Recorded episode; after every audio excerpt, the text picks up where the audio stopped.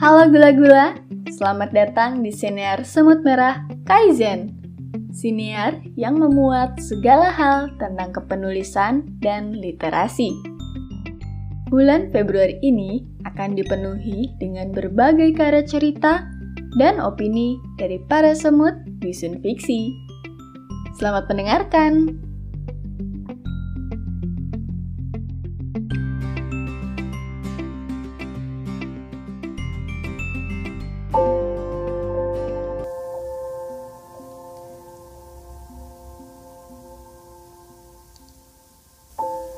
Sinar matahari sudah memulai ritual hariannya untuk pamit. Namun, Jingga masih terpaku di depan makam ibunya. Lima tahun sudah, sosok perempuan yang begitu dia sayangi itu kembali ke pangkuan ilahi.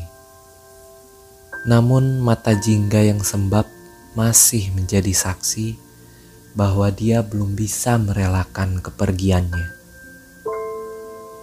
Konon katanya, waktu akan menyembuhkan luka duka.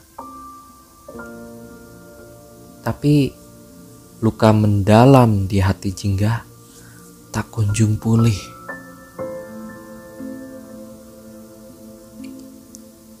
Sinar Jingga terakhir di hari itu menyinari tangan Jingga yang mengeluarkan sesuatu dari tas kecilnya.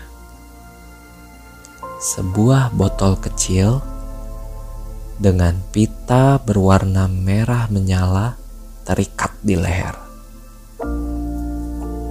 Lama sekali Jingga memandangi botol yang kini kosong tersebut. Sampai akhirnya matahari sepenuhnya menghilang di ufuk barat.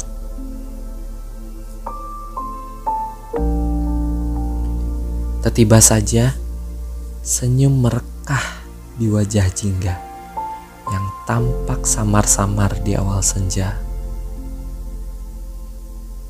Maaf ibu, tapi aku terpaksa.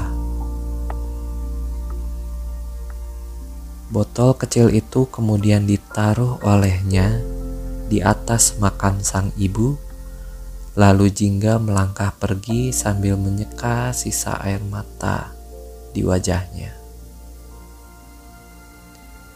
Di botol itu, gambar tengkorak hitam jelaga yang mencekam disambut oleh datangnya malam.